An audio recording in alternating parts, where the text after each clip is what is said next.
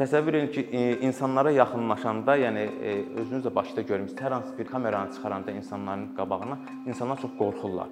Nə məqsədlə çəkirsən, niyə çəkirsən? İndi təsəvvür edin ki, bu insanların qabağına hər gün kamera çıxardırlar və bu insanlar öz evlərini, öz uşaqlarını, öz yoldaşlarını itiriblər və evlərindən çıxıb bu zirzəmilərə gəliblər.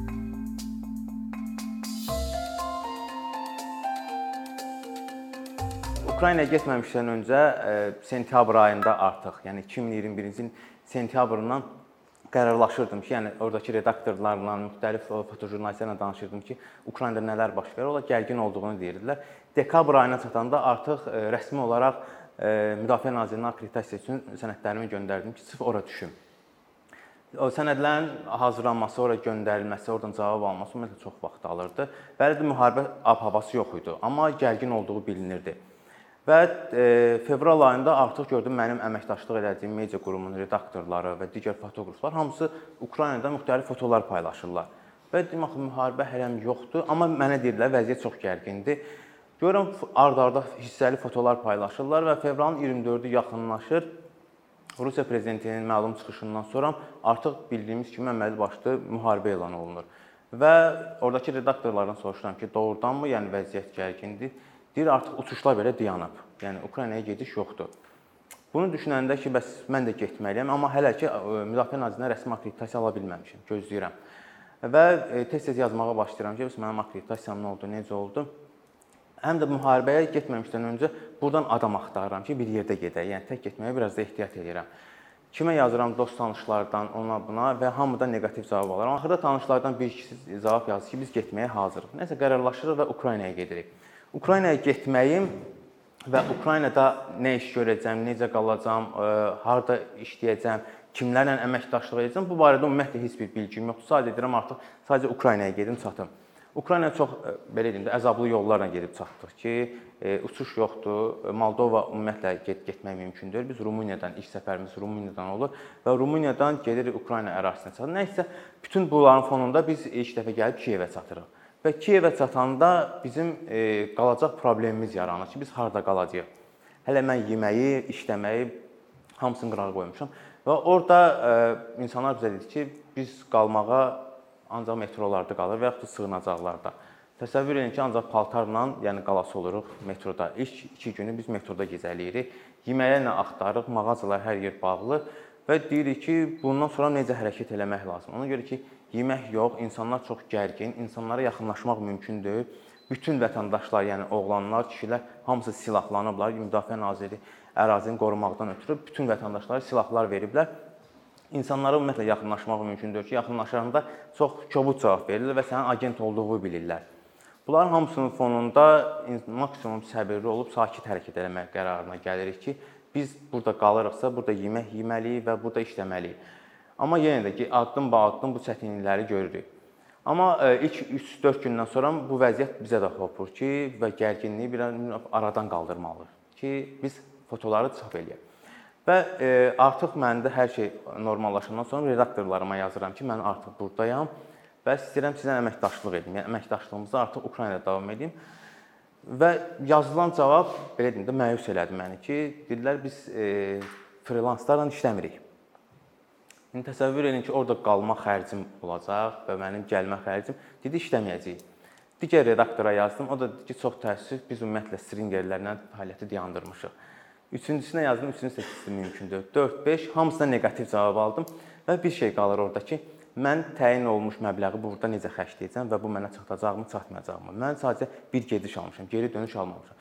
Bütün redaktorlara neqativ cavab alıram və mənim orada nə işləyəcəm, necə işləyəcəm, bu məni maraqlandırır. Bundan başqa da Ukraynaya getməyimdə səbəb o idi ki, bütün dünyanın aparıcı jurnalistləri, media qurumları Ukraynada fəaliyyət göstərirdi. Sənin nə paylaşacağından asılı olmayaraq hamısı səni izləyirdi.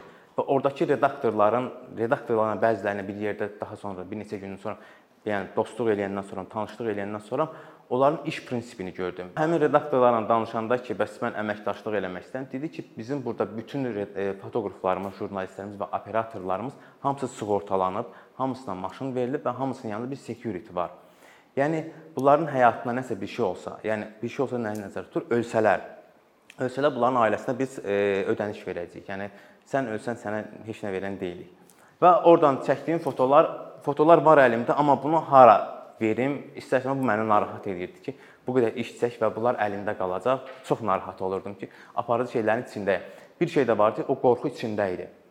Mən orada çəkdiyim, yəni hər hansı bir yerə gedəndə bomba gəlib, hətta mən e, olduğum müddət ərzində mart ayında e, Kiyev ərazisi hələ mühasirədə idi. Hələ Rusiya ordusu geri çəkilməmişdi.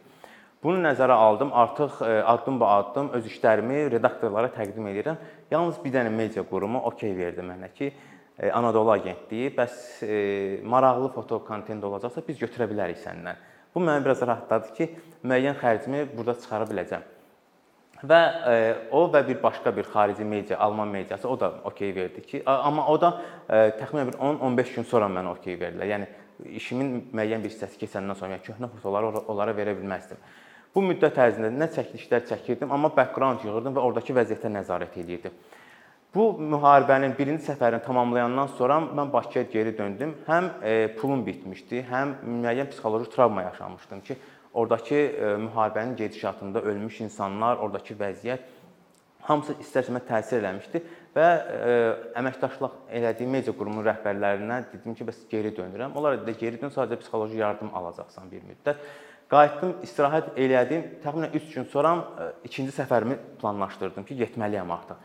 İkinci səfərim planlananda bu dəfə daha net idim. Daha hara gedəcəm, nə iş görəcəm, Buradakı media qurumları, daha doğrusu burada oturub xaricdəki media qurumları ilə təxminən bir 10-a yaxın media qurumu ilə danışdım. 8-ə okey verdi ki, əgər orada olsan biz səndən foto ala bilərik. Bu artıq məni həvəsləndirdi ki, yəni çəkdiyim fotolar, mən maddiyyat baxımından hamısını qoymuşam burağa. Fotolarım orada çap olunmalı ki, bütün dünya görsünlər ki, Azərbaycandan bir jurnalist burdadır. Və belə qərarlaşdım. May ayının 7-si artıq bileti çox baha qiymətli, fantastik baha idi ki, yəni Ukrayna ərazisinə getməkdən ötürü mən artıq Polşaya getməyə qərar aldım ki, Polşa ərazisindən keçim.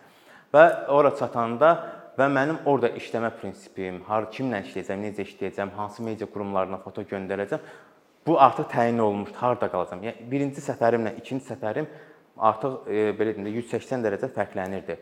Ora çatandan sonra e, və ilk işim fotolarımı həmin media qurumu rəhbərlərinə göndərmək idi və onlar mənə dedilər ki, sənin olduğun yer çox təhlükəlidir. Bizim media qurumları orada yoxdular. Amma özünü qoru ki, sənə bir şey olmasın.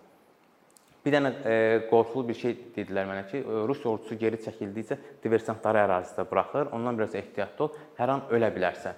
Bu istər-istəməz məni narahat eləyirdi. Hətta e, mən qardaşımla artıq e, yazışırdım. Hansı maşına mindim, getdim və deyirdim ki, 2 saat müddətində məndən zəng gəlməsə və yaxud da ki, cavab verə bilməsəm, telefonum sönülü olsa, biləsən ki, ya öldürülmüşəm, ya da əsir götürülmüşəm. İkisindən biridir. Sadəcə bu sürücü ilə əlaqə yaratmağa çalış ki, məni harda buraxıb və yaxud da ki, belə deyim harda ölmüşəm. Yəni bu şeyi biləsən. Həmin o əskərin o deməyi ki, ehtiyatlı ol, öldürülə bilərsən. Bu istər-istəməz biraz mənə psixoloji təsir elədi ki, mən hələ təzə gəlmişəm bura, öldürülmə söhbəti var artıq. Düz Xarkovdayam artıq. Xarkovda da bildiyiniz kimi ən episentrdir və hər gün atışma gedir. Saat 8-də də komendant saatı elan olunur. Və ora çatanda ilk işim e, ərazinin harda e, belə deyək də təhlükəli zona olduğunu təyin eləməkdir ki, mən hara gedəcəm, necə gedəcəm, nə iş görəcəm. Bunu nəzərə aldım. Mən daha çox insanlara fokuslandım ki, burdakı insanlar artıq aylarlandır podvallarda, metrolarda, ümumiyyətlə də zirzəmilərdə gecələyirlər. Və insanların yanına düşdüm. İnsanların yanına düşəndə çox aqressiv idilər. Yəni o aqressivliyini yəni təsəvvür edə bilməyəcəksiniz. Yəni mənim onlarla işləmə müddətim maksimum 8-9 saat idi ki, bunlarla vaxt keçirim. Onun dərdindən mən o fotolarda da bir fotom var. Yəni daha çox qara paltarda bir e, kapşon idi. Onunla vaxt keçirirdim. Onu ümumiyyətlə yumurdum. Yumamağım səbəbi o idi ki, e, həm o çox divara zada dəyirdim. Üstü palçıq olurdu, yəni batmışdı üstü. İnsanlara bir balaca yaxın olum prinsipini qoymuşdum. Yəni şalvarımı yumurdum, həmin o kapşonu yumurdum. Yəni insanlar özü kimi qəbul etsin. Ona görə podvalda yaşayanların hamısı təsəvvür edin ki, aylarla da eyni paltarı geyinirlər. Hətta bəziləri ümumiyyətlə yummurdular. Yəni yummağa yer yox idi. Yemək yeməyi belə yeməkləri yox idi. Mən humanitar bir təşkilatda bir nümayəndə tapdım. Soruşdum ondan ki, bəs bu yeməkləri hara aparırsınız? Deyir ki, bəs insanlara. Qoşuldum onlar insanların yanına getdim və təsadüfən yeməyi açmaq istədim. O xüsusi zəmbillər verilir insanlara ki, onları açmaq istədim. Təsəvvür edin ki, çörək quruyub artıq. Yəni o çörək bizdə xarab olan necə ki, köhnəlir də, həmin bu vəziyyət idi. Bu insanlara gedir, çatır. Və içində olan o yeməklərə baxanda dedim ki, bu insanlar doğrudanmı bunları yeyəcək? Yəni məcbur idilər. Heç nələri yox idi bu insanların. Və bu zaman keçdikcə mən görürəm, yox, insanların vəziyyəti çox gərginləşir burada və insanlar bir əlində fotoaparat, əlində bir kamera olan adam görəndə mənim üstümdə branjilet var, üstündə press yazılan bir branjiletlə bunu görəndə daha da aqressiv olurlar mənə qarşı. Mən də öz təhlükəsizliyim baxımından görürəm ki, bunu geyinməliyəm, amma bir tərəfdən düşünürəm ki, bunu çıxartmalıyam əynimdən. Yəni bu insanlar necə qoy mən də belə olum. Məcburiyyət qarşısından branjiletimi çıxartdım ki, indi bu insanlara yaxınlaşım. Həm də branjileti branjiletlə hərəkət etmək çox çətin idi. Təsəvvür edin ki, e, insanlara yaxınlaşanda, yəni e, özünüz də başda görmüsünüz, hər hansı bir e, kameranı çıxaranda insanların qabağına insanlar çox qorxurlar. Nə məqsədlə çəkirsən, niyə çəkirsən? İndi təsəvvür edin ki, bu insanların qabağına hər gün kamera çıxardırlar və bu insanlar öz evlərini, öz uşaqlarını, öz yoldaşlarını itiriblər və evlərindən çıxıb bu zirzəmilərə gəliblər. Və bunlar məni görəndə istərsə hücum çəkməsinlər. Məcbur kameranı özümdə saxlayırdım. Sadəcə bunlardan bir 1 saat, saat yarım vaxt keçirdim. Və ora yaxınlaşıb insanlardan bəzilərindən söhbət eləyəndə biri mənə cavabını okey verəndən sonra ki, danışdımsa, digərləri artıq öyrəşirdi. Mən bu prinsipi ilk gündən götürdüm, hədəflədim və yavaş-yavaş metroya düşəndə, padvala düşəndə və yaxud da kimlənsə görüşəndə hələ kameranı çıxartmırdım ki, o şey məsələsini öz şikarımı gözləyirdim. Yəni öz insanlarımı çəkəcəyim mövzunu gözləyirdim ki, mən insanları çəkə bilim. Və mənə maraqlıdır ki, bu insanlar nə iş görür? Burada qalıblarsa bunlar nə edirlər? Ona görə hamısı aqressiv, hamısı əsəbi, yəni yaxınlaşıb bir söz deyəndə belə insanı acılamaq, hətta döyə bilirlər. Yəni vəziyyət çox gərgin idi həmin müddətdə. Bir müddət bunlarla danışandan sonra artıq mənə öyrəşəndən sonra və çalışırdım həmin zona üzrə hərəkət edeyim ki, bu zonada nəsə öyrənəndə o biri zonaya ötürürlər ki, filan kəs gəlib. Bir dənə də yaxşı tərəfim oldu ki, mənimlə bir yerdə olan humanitar təşkilatın nümayəndəsi o insanlara yemək paylayırdılar və müəyyən geyim paylayırdılar. Bunlar görürdülər həmin adamı və bunların müəyyən qədər kontaktları olmuşdu. Həmin müddət ərzində bir çox məsələn qadınlarla söhbət edən, evlərini tərk eləməyən adamlar var ki, müharibə müddətində tərk eləməmişlər və amma e, belə deyim də e, bomba gəlib, raketlər gəlib bunların evlərinə düşmüşdü. Bu müddət ərzində bütün çəkdiklərim media qurumlarında yayımlanır və ən e, aparıcı bir fotolarından biri oldu. Orada təsadüfən Kiyev ərazisindən keçəndə Buça şəhərini o fotolarla paylaşmışdım Instagramda. Əvvəl və sonra fotosunu çəkmişdim. Onu çəkəndən sonra e, bütün xarici media nümayəndələri fokuslandı ki, bu fotonun copyright-ını bizə ver, biz də paylaşmaq istəyirik. Əslində əhəmiyyətsiz bir şey kimi yaxınlaşdım. Həmin müddət ərzində ona görə fotoqrafların mütləq bir redaktoru olsun. Yəni fotoqraf özü həm fotoqraf, həm redaktor olanda bəzi şeyi unudur. Ümumiyyətlə nəyin düz, nəyin səhv olduğunu bilmir. Ona görə bütün redaktorlarda, xarici media e, qurumlarının hamısı, məsələn Azərbaycanda fotoredaktor yoxdur. Amma xaricilərdə hər bir fotoqrafa təxminən 2-3 fotoredaktor təyin edirlər ki, fotoqraf həmin an beyni tam dolu ola bilər, ümumiyyətlə düzgün foto göndərməyə bilər. Onu redaktora göndərirlər. Məndə redaktor olmadığından sadəcə əməkdaşlıq elədiyim media qurumuna mən sadəcə fotonu göndərirdim, çap olunurdu. Əhəmiyyətsiz kimi bir foto kimi yayımladım ki, bu buna ümumiyyətlə baxan olmayacaq. Amma ən çox baxılan, ən çox paylaşılan media qurumlarının ən çox fotolar buna istinad olundu və bunu bu fotodan keçid eləyərək digər media nümayəndələri gəlib mənə çıxdı. Əgər mən 7 bir e, media qurumu ilə danışmışdımsa, bu dəfə media qurumlarının sayı çoxaldı. İndi hamısı foto istəyirlər. O demək deyil tək mən idim orada. Digərləri də var. Sadəcə onlardan bir balaca fərqlənmişdim və onlara lazım olan fotoları gedib çəkirdim. Həm də təbii ki, içində bir qorxu var idi. Mənə deyilmişdi ki, ehtiyatlı ol, ərazidə diversant var. Həmin o diversantların bir neçəsini artıq öldürülmüşdülər. E, müəyyən bir ərazidə, yəni təyin olunmuş qəsəbə var idi, Malaya Raqan adlanırdı. Oradan tapmışdılar ki, e, diversantlar ərazidə hərəkət edirlər. Və e, orada olduğum 14 gün müddət ərzində birincidə ümumiyyətlə e, 1-2 media qurumunda çap olunmuşdumsa, ikinci media ikinci səfərimdə artıq 27 media qurumunda çap olunmuşdum və media qurumları hamısı, yəni e, onların e, redaktorları mənə yazırdılar ki, Əgər həmin ərazidəsənsə, bizə filan mövzu lazımdır, onu axtarıb tapmağa çalış. Mən də onlara deyirdim, mənim əsas fokusum burdakı insanlardır. İnsanlar nə iş görür və necə fokuslanırlar işlərinə. Mən orada bir neçə fotolar çəkmişdim ki, həmin fotolardan bəzilərini e, göstərməyə cəhd eləyəcəm. Həmin o, o orada insanların, yəni Padvalda yaşayan insanların evinə girir, e, Padzərzəmdə yaşayan insanlara girirdim ki, orada nələr baş verir və onların təsəvvür edin ki, ərazi üzrə təyin olunmuş qidaları var idi. dərmanları, nə bilim suları və s. və ilaxır. Dedilər ki, burdan bu burada əgər yenə müharibə başlasa, bu gördüyünüz ərzaqların hamısı sadəcə bir günlükdür. Yəni bir gün də tam olmayacaq. Bunlar hamısı məhv olacaqlar. Yəni artıq bizim verəcək heç nəyimiz yoxdur. İnsanlar hər şeylərini itiriblər. Bu, bu bunlar bunlar hamısı e, Polşada çəkdiklərimdir. Mən Ukraynadan e, Polşaya keçəndə bildiyiniz kimi təxminən 2 milyona yaxın qaçqın Polşada yerləşib. O Polşadakı qaçqınlar yəni iki hissəyə bölmüşdü. Yarısı təmin olunmuş, digərləri təmin olunmamış təmin olunmamışların içinə düşməkdən ötürü müəyyən akkreditasiya lazım idi. Bu həmin Polşada olan qaçqınlar ki, bunları lüks yer saymaq olar ki, bunların şəraitləri yaxşı idi. Nisbətən daha yaxşı yerdə oturmuşdular bunların hamısı. Bu bu onların qaldığı həmin bir bina idi bu binada qaldırdılar həmin qaçqınlar, amma bunların müəyyən qədər ə, e, belə deyim də təchizatları təmin olunmuşdu. Amma digər qaçqınlara düşə bilmədim. Düşə bilməkdən ötürü e, Polşa Müdafiə Nazirliyinə rəsmi akkreditasiya müraciət olunmalı idi. O da mənə deyilməmişdi. Məndən xəbərsiz idim ki, ora düşmək lazım idi. Amma həmin oradakı qaçqınlarla söhbət edəndə bunlar dedilər ki, biz artıq burada qalmaqdan bezmişik. Təsəvvür edirsiniz, lüks yerdə yaşayırlar, yeməkləri 3 gün verilir, hətta heyvanları belə var yanlarında. Bunlar dedilər biz artıq bezmişik, buradan çıxmaq istəyirik. Səbəbini soruşdum. Dedilər ki, burada qalıb ölməkdənsə öz torpağımızda qalıb ölmək daha yaxşıdır. Hardan gəldiklərini soruşdum. Dedilər Xarkovdan gəlmişik. Təsəvvür edin ki, Xarkovda bu dəqiqə poliqondur. Yəni dağıdılıb hər yer. Onun dərdindən bunlara dedim getməyə və heç birinin pasportu yox idi. Onların şəkillərini çəkəndə dedi, oğul, bu şəkillərin ümumiyyətlə heç bir təsiri yoxdur. Biz onsuz öz torpağımızdan didərgin düşmüşük. Bizim sadəcə ümidimiz qalıb ki, bu müharibə bitsin, gedək dağılmış torpağımızda öz evimizi təzədən quraq. Bunlar buna fokuslanıblar. İndi təsəvvür edin ki, bütün Ukraynadan qaçan o qaçqınların hamısı və hətta biz o, o Odessanı tərk eləyəndə də mən Lvovu tərk eləyəndə hər ikisində bunu gördüm ki, avtobusdan gənc oğlanları avtomatik e, sərhəddə düşürdülər. Ukrayna əsgərləri düşürdülər ki, və soruşurlar nəyə gedirsən? E, sən deyəndə ki, bəs ailəm tutaq Polşadadır və yaxud da ki, filan zonadadır, ora gedirəm. Bunları düşürdülər ki, sən hələ ölkəyə lazımsan, ölkədən oğlanların 50 yaşa qədər olan kişilərin hamısı qalmalıdır. Ehtiyac olacaqsa siz gedəcəksiniz. Biz xarici vətəndaş olduğundan bizi buraxmışdılar. Yəni bütün bunların hamısı ard-arda başladı bütün e, oğlanlara təhsil etmək və ən pis tərəfi o idi ki, bütün e, Ukrayna vətəndaşlarının böyük əksəriyyəti silahlanmışdılar. Silahlı silahlandığından qanunu bilmirdilər.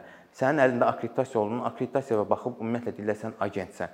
Yəni müəyyən adlar qoyduqca və sən onlara qarşı hər hansı bir reaksiya verdikcə, hər hansı bir sərt mövqe göstərdikcə xoşagəlməz hal baş verir ki, o Xarkovda mənə olmuşdu. Polis məni yaxınlaşıb branşletin mənim olmadığımı və kameralar mənim olmadığımı, rus agenti olduğumu bu cür sözlər yaymağa başladılar və təbii ki, Müdafiə Nazirliyinə zəng elədilər. Hər bir akkreditasiyanın üstündə təyin olunmuş nömrə var ki, bu nömrəyə uyğun sənin bütün belə deyim də e, danıların orada görsənir. Məlumat alındı ki, bu yəni təyin olunmuş, akkreditasiya olunmuş jurnalistdir. Bunu buraxın. Təxminən saat yarım orada biz qalandan sonra bizi buraxdılar. Yəni Ukraynada jurnalistlərin fəaliyyəti, jurnalistlərin hərəkət müddəti çox kritik idi. Yəni sən hara getməklə asılı olmayaraq polis səni saxlayır və səndən sənəd ala bilər və getdiyin yerdə ölə bilərsən. Ölə bilməyin də bir dənə səbəbi odur ki, sən getdiyin müharibə kombat zonasında gedirsən, orada ümumiyyətlə nə baş verdiyini bilmirsən və bütün jurnalistlərə o xəbərdarlıq olmuşdu. Bu may ayında bunu daha çox demişlər ki, Rus ordusu geri çəkildikcə diversantları ərazidə qoyub gedir və ərazi minalanmış ola bilər və ölmüş insanların e, altlarına mina qoyurlar. Bundan çox ehtiyatlı olun. Və bütün jurnalistlərə e, o xəbərdarlıq olunandan sonra mənə də zəng edib dedilər ki, bəs ərazidəsənsə biraz ehtiyatlı ol və sən olduğun yer çox e, belə deyim də atışma olan zonadır. Və hər gün təsəvvür edin ki, elə bir gün olmadı ki, o gün sakit bir dövr keçsin. Həyəcan siqnalı verilir və insanlar bir-bir fotolar bir hissə-hissə keçirir həyəcan siqnalı verilir ki, insanlar tərk eləsinlər, e, yəni e, şəhərin özünü və getsinlər. Və podvallarda insanlar təsəvvür edin ki, bu belə paltarlarda qalırlar və paltarlarda çıxartmağa, yumağa bir yer yox. Yəni mən o paltarın özündə bir neçə gün bu oğlan həmin əraziyə baxan idi ki, əlində pnevmatik tapanca vermişlər ki, xüsusi oğrular, zətlər evlər boşanda həmin əraziyə keçirdilər və orada insanların əşyalarını qızıldan tutulmuş əşyalarını oğurladılar. Həmin bu qadın orada bir hə, bu bu qadın ümumiyyətlə müharibə başlayanda tərk eləmədi, eləmədi müharibə. Bunun sadəcə bir qoca yoldaşı var idi. Əlində süd alıb, yoldaşı xəstə idi. Onun üçün alıb aparırdı. Ondan soruşdum ki, bəs niyə tərk eləməmisən? Dedi, bu yaşa qədər gəlib çatmışam. Artıq yəni bundan o tərəfə yəni öləcəm də, yəni mən burada öldüm və yaxud da ki, getdiyim yolda öldüm. Onun bir fərqi yoxdur. Sadəcə yoldaşım üçün yoldaşım gəzə bilim yataq xəstəsidir. Evinə getməyə cəhd elədim. Divallı evim pis gündədir. Mən sadəcə bir qonağı öz evimə aparıb göstərmək istəmirəm. Nə qədər cəhd eləsəm də e, evinə buraxmadı. Amma əlindəkini göstərdi ki, valla bir dənə xəstə yoldaşım var və e, evdən çıxıb 2 saat yarıma gedib çatır. Yəni çox zülmlə hərəkət edirdi həmin bu qadın. Bu həmin o Xarkovda olan insanların o aqibəti idi ki, insanların vəziyyəti çox kritikdir. Yəni burdan baxanda orada nə baş verir? Özüm məsələn o fotoları paylaşanda düşünürdüm ki, bu fotoları görürsən paylaşımmı? Yəni ölmüş insanı paylaşmaqmı? Və yaxud da ki, bu insan hekayələrini paylaşmaq bu istər-istəməz insanı narahat edir və bunu nəzərə alırdım ki, məni tək e, Azərbaycandan başqa digər media qurumlarından da izləyirlər. Mən jurnalist olaraq bunu göstərməliyəm. Da orada əməkdaşlıq edəcəm media qurumlarının fotoqrafları da o sözü mənə dedilər ki, deyir, nə vaxta qədər eyni mövzuları çəkə-çəkə duracaqsınız. Siz dəyişməlisiniz artıq.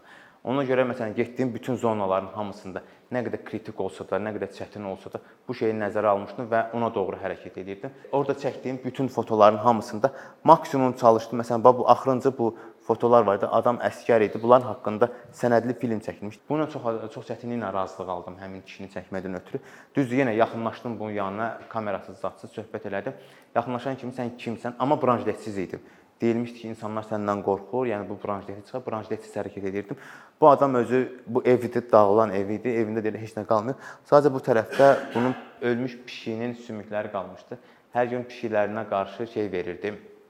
Yas saxlayırdı ki, bəs mən bu pişiyi yad eləməliyəm. Bunun özü deyir ki, artıq mənim hər şeyim tükənib və heç bir şeyim yoxdur, amma mən məcburam bu ruslarla mübarizə aparım və bu kimi digər sakinlər də var idi. Hamısının əsas hədəfi, yəni müharibə nə qədər ağrılı, acılı olsa da hamısında bir prinsip var idi ki, bu müharibə bitməlidir və biz müharibəni bitirməliyik. Biz qalib gəlməliyik. Amma bunların bir dənə nifrət elədiyi bir şey var idi ki, jurnalistlər gəlib burdan sadəcə çəkib getmə prinsipini qoyanda bunlar çox əsəbləşirdilər ki, bizdən istifadə edirlər. Bunu artıq mən bilirdim deyənə və bir rayona gedib bir rayonda çəkiliş eləmək təxminən 5-6 saat vaxt alırdı. 5-6 saat vaxt almağın da əsas şeyi e, problemlərindən biri bu idi ki, sən mövzu dalınca getmisən və insanlara yaxın olmalısan, insanın içində olmalısan və taksidə qıraqda gözləyir. Həmin müddət ərzində qardaşım mənə yazır, mən mən buna cavab vermirəm və o da düşünür ki, yəqin artıq nəsə baş verib, ya öldürülmüşəm, ya da əsir götürülmüşəm. Amma məcbur idim insanlara yaxınlaşıb, insanlarla kontakt qurub. Yəni belə olmadığı halda mümkün deyildi. Yəni oradakı E, xəstəxanaya kimi girdim. Oradakı insanlarla söhbət edəndə hamısının bir dənə hədəfi o idi ki, bu gəlib bizi, yəni bizdən istifadə etməyin. Bizim onsuz da vəziyyətimiz çox kritikdir. Yəni e, biri demirəm ailəsini, ailə başçısını, övladını, yoldaşını itirənlər və e, sən gəlib bunlardan istifadə etmək məqsədini bunlar biləndə bundan imtina eləyirlər. Ona görə mən insanlara daha yaxın, bunlarla vaxt keçirməyə daha çox üstün verdim və qaldığım müddət ərzində, 15 gün ərzində o insanların e, öz hekayələrini çıxartmağa fokuslandım və burada olan o digər fotolara da keçdim. Burada olan hamısında bu bayaqki fotodur. Hamısının hamısının içində məsələn artıq insanlara daha rahat oldum, daha yaxın oldum insanlara və bunların nə eləmək istədiyini, bunların nə düşündüyünü artıq bilirdim. Və bu mənə e, bu həmin o humanitar yardım göstərilən yerdə insanların özlərinə yaxınlaşanda bu e, yardımı olan e, belə deyim də kiminsə evinə tulla, tullamaq istədiyi paltarlardır və ya da tulladıqlarının hamısını yığıb gətirirlər ki, ehtiyacı olan adamlar var və digər Avropa ölkələrindən bura paltarlar gətirirlər ki, insanlara xüsusi paltar çevirək fotoları və bu fotoların paltarların hamısı bunlara gedirdi. Bir dənə pis tərəf o idi ki, həmin bu dayanan növbədə dayanan insanların çatan ərzaqlar çox gec çatırdı. Yəni e, tələbat o qədər artırdı, insanlar ac idi. Mən ona görə düşündüm ki, Bakıya geri dönəndə hər hansı bir yardım ed elə eləmək mümkündürmü ki, bu insanlara birbaşa bu insanların özünə hər hansı bir təşkilatla deyil də birbaşa bu insanların özünə gedib yardım çatsın. Ona görə e, insanların sayı qaçqın olan və e, öz torpağından çıxan, öz evindən çıxan insanların sayı fantastik çoxdur. Həmin bu fotonu mən sizə deyirdim ki, bunu mən e, çəkmişəm demək aprelin 26-sı, bu da e, may ayının e, 7-si, may ayının 10-u çəkildi bu foto. Bunu before after eləməklə bu foto çox rezonans doğurdu ki, yəni doğrudanmı e, insanlar, yəni e, həmin Buça şəhəri belə təmizlən. Bunun digər fotoları da var o tərəfdə. Yəni bu foto ilə artıq e, xarici mediaya bir növ keçid eləyə bildim ki, həmin burada artıq dağılmış tanklar və s. və ilaxır və insanlar artıq görmüşdülər ki, burada nələr baş verir və bir növ həyat davam eləyir demək olardı, amma yaşayış yox idi. Həmin bu ərazidə də təsəvvür ki, bir aydan çox idi müharibə bitmişdi, amma ərazidən yenə e, insan cəsədinin iyi gəlirdi göstərirdi ki, yəqin hansısa podvalda və yaxud da hansısa bir yerlərdə ölmüş insanlar hələ də var. Və bu ərazidə bizə xəbərdarlıq olundu ki, maksimum ehtiyatlı olun ki, ərazidə çoxlu sayda, yəni ruslar tərk edici minalar qoyulub, bəzi yerlərdən artıq minalar zərərsizləşdirilib. Bu e, Ukrayna səfərimin qaydanda artıq yekunlaşandan sonra bütün işlərimi mən e, fikirləşirəm ki, e, bu fotolarım xarici mediada necə qarşılandı və redaktorlarla danışdım, hansılar ki, artıq mənə mənimlə işləmir, işləmirdilər. Yəni o işləməməyin səbəbi o olmuşdu ki, biz staflarla işləyirik. Bunlar dedilər ki, biz e, hər hansı bir media nümayəndəsini, hər hansı bir jurnalisti ora göndərmək üçün e, həmin jurnalistlər burada təlim keçməlidirlər. Bizim təlimi keçəndən sonra biz onları branşlet və digər vasitələrlə təmin edirik ki, orada necə hərəkət eləmək lazımdır. Sənin üzərində heç bir tibbi ləvazimat yox idi, branşletin yox idi. Sən orada necə eləyəcəkdin? Və mən burada geri qayıdıb öz jurnalist həmkarlarıma mən deyəndə ki, mən artıq redaktorlarımla bu cür üstünlük qazandım və əsas lazım olan sözü onlar mənə dedilər sanki mən düşündüm ki, öz işimin, yəni 100% də olmasa bir 70% missiyamın öhdəsindən gələ bildim və düşünürəm ki, bu işi, yəni yəni kimin nə deməyindən asılı olmayaraq düşünürəm ki, uğurlu, yəni özüm hesab edirəm ki, uğurlu addım atdım və düzgün qərar verib Ukraynaya getdim. Soruşurlar, üçüncü səfərim olacaqmı? Üçüncü səfərim hələ planımda deyil, amma üçüncü səfərim olacaqsa tamam fərqli istiqamətdə planlaşdırmışam. O da yəqin ki, əsas zonalara ə, olacaq. Mənim demək istədiyim bu qədər.